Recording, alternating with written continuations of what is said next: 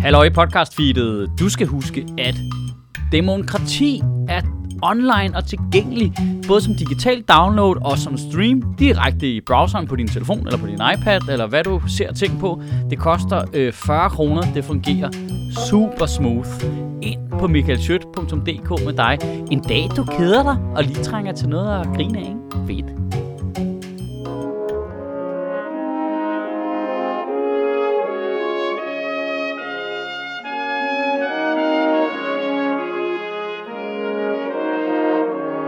Goddag. Hvad? Goddag. Danmark får snart en ny regering. Desværre. Ah, Jamen har det ikke været rart, hvor stille der har været, når der ikke har været nogen? Altså, da den der regering gik af, det var fuldstændig ligesom om, der var nogen, der slukkede en emhætte. Det var bare sådan helt, ah, ah, Æh, mens den kørte, så var man ikke ligesom bevidst om, hvor irriterende den var. Men når den så endelig blev slukket, så kunne man godt mærke, fuck, det er rart, det ikke er her mere. Den kongelige undersøger, Mette Frederiksen, har forhandlet om et regeringsgrundlag med en bred, bred vifte af partier. Øh, men nu har både de konservative og SF øh, meldt sig ud af forhandlingerne, og det betyder, at nu går vi langsomt ind i slutspillet. Øh, selvom teknisk set så er Liberale Alliance og Dansk Folkeparti stadigvæk med, men de har lidt den der vibe af folk, der møder op til gruppearbejde i folkeskolen og bare smiler og ikke siger noget og satser på, at de kan få et tital uden at løfte en finger. Uh, uh, uh, jeg har en print. Jeg kan godt printe ud. Jeg kan, jeg kan printe ud, hvis der. Det betyder også, at vi snart skal møde et helt nyt sæt ministre, og der ser jeg som udgangspunkt ikke lige nogen grund til, at jeg ikke skulle komme med mit bud på, hvem det kunne blive, ligesom alle de andre politiske kommentatorer, der heller ikke ved, hvad de snakker om. Så lad os prøve at sætte vores minister drømmehold. Ja, eller eller, eller Marits hold. Øh, du kan jo selv prøve at gætte med, hvem du synes skal være minister, men jeg vil lige komme med et benspænd, inden I alle sammen begynder at skrive Michael Laudrup og Lina Raffen og sådan noget. Jeg, jeg synes, reglen skal være, at det skal være en, der vil give at være minister. Ja, ja, ja, det, jeg er med på, at det er noget benspænd der, fordi så, jeg tror ikke engang, det er 100% af dem, der sidder i Folketinget, der gider at være minister. Altså, at være, at være minister i Folketinget, det er, jo, det, er jo, det, er jo, det er jo ligesom at være folkeskolelærer, eller sådan noget. Du ved, alle har en idé om, hvad det er, du gør forkert, men nul mennesker gider overtage dit job. Okay, den store først. Statsminister. Den giver sig selv. Der henter vi en ind udefra. Michael Laudrup eller Lina Raffen.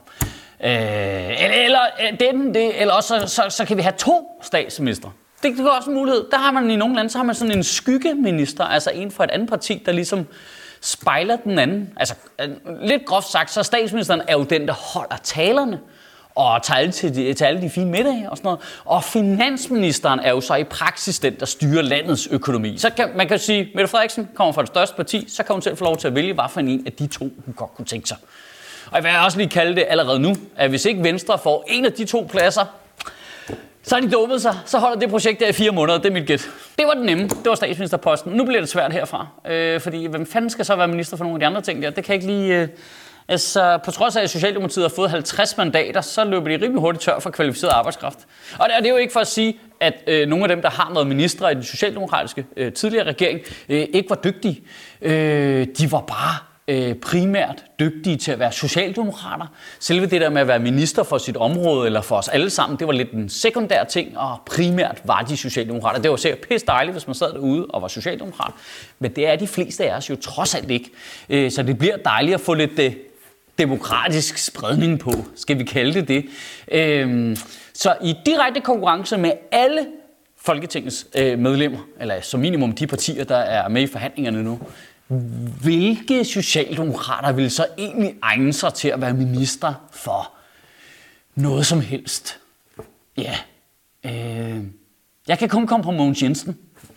Mogens Jensen er den eneste, jeg har. Det er primært, fordi jeg føler, at vi skylder ham. Mette Frederiksen skylder ham en, to, tre ministerposter eller et eller andet. Altså, Mogens Jensen som kulturminister, det er mit final bud. Venstres folketingsgruppe er fandme også tyndt besat. Hvem er de her mennesker? Øh, Preben Bang Henriksen? Who's that guy? Erling Bonnesen? Peter Jul Jensen? Hans Andersen? Jakob Jensen, nu er de bare gået i gang med at autogenerere navne. Altså, er der, er der ikke et gammelt ordsprog, der lyder, at hvis Troels Lund Poulsen er den klogeste person i et rum, så holder tid og sted op med at eksistere? Men altså, sådan helt seriøst, vi kommer vel ikke udenom, at Troels Lund Poulsen og Sofie Løde skal være minister for et, et eller andet? Det, det, kan vi vel ikke, altså, det kan vi vel ikke slippe for, kan vi det? Det, det gælder om at finde nogle ministerposter til dem, hvor de gør mindst mulig skade. Kan vi, kan vi ikke opfinde et eller andet? Kan vi ikke bare lave sådan nogle øh, bogus ministerier, bare med sådan en flot titel, det kan de godt lide. Hold kæft, Sofie, du vil være pissegod som vores nye Senior Vice Key Account Minister for Innovation. Hold kæft, det vil du være god til. Du vil være fucking god til det. Man får nærmest lyst til at ansætte Christian Jensen igen. Jeg, jeg, jeg, jeg er med på, at han fuckede ufattelig meget op i skat. Altså, det var jo ham, der fyrede øh, 6.000 medarbejdere i skattevæsenet, fordi de skulle erstattes af et super fucking genialt computerprogram, der hed EFI, der helt automatisk kunne inddrive skat for virksomheder så vælger han så bare lige at fyre medarbejderne, før computerprogrammet er færdigt. Og da man så ruller det ud, så viser det sig, at det ikke virker. Ja, og så er der bare øh, ikke nogen opkrævning af skat til virksomheder. Kan vide, om øh, Sande Char egentlig også havde frit lejde, før Christian Jensen fyrede 6.000 medarbejdere? Det, kan det er svært at sige. Det er svært lige at sige umiddelbart. Men vi kunne da godt ligesom ansætte ham igen til at prøve at rette op på sin egen fejl. Det ville da være en stor ting også som samfund, at vi lige... Okay, han er ikke rigtig skatteminister. Han er sådan en form for vise øh, skatteminister. Der er der kun for at rette sin egen fejl. Det, det, det, kunne, det kunne vi da gøre på en masse områder. Altså, Anders Fogh, øh, øh ny viceudenrigsminister kun for Mellemøsten.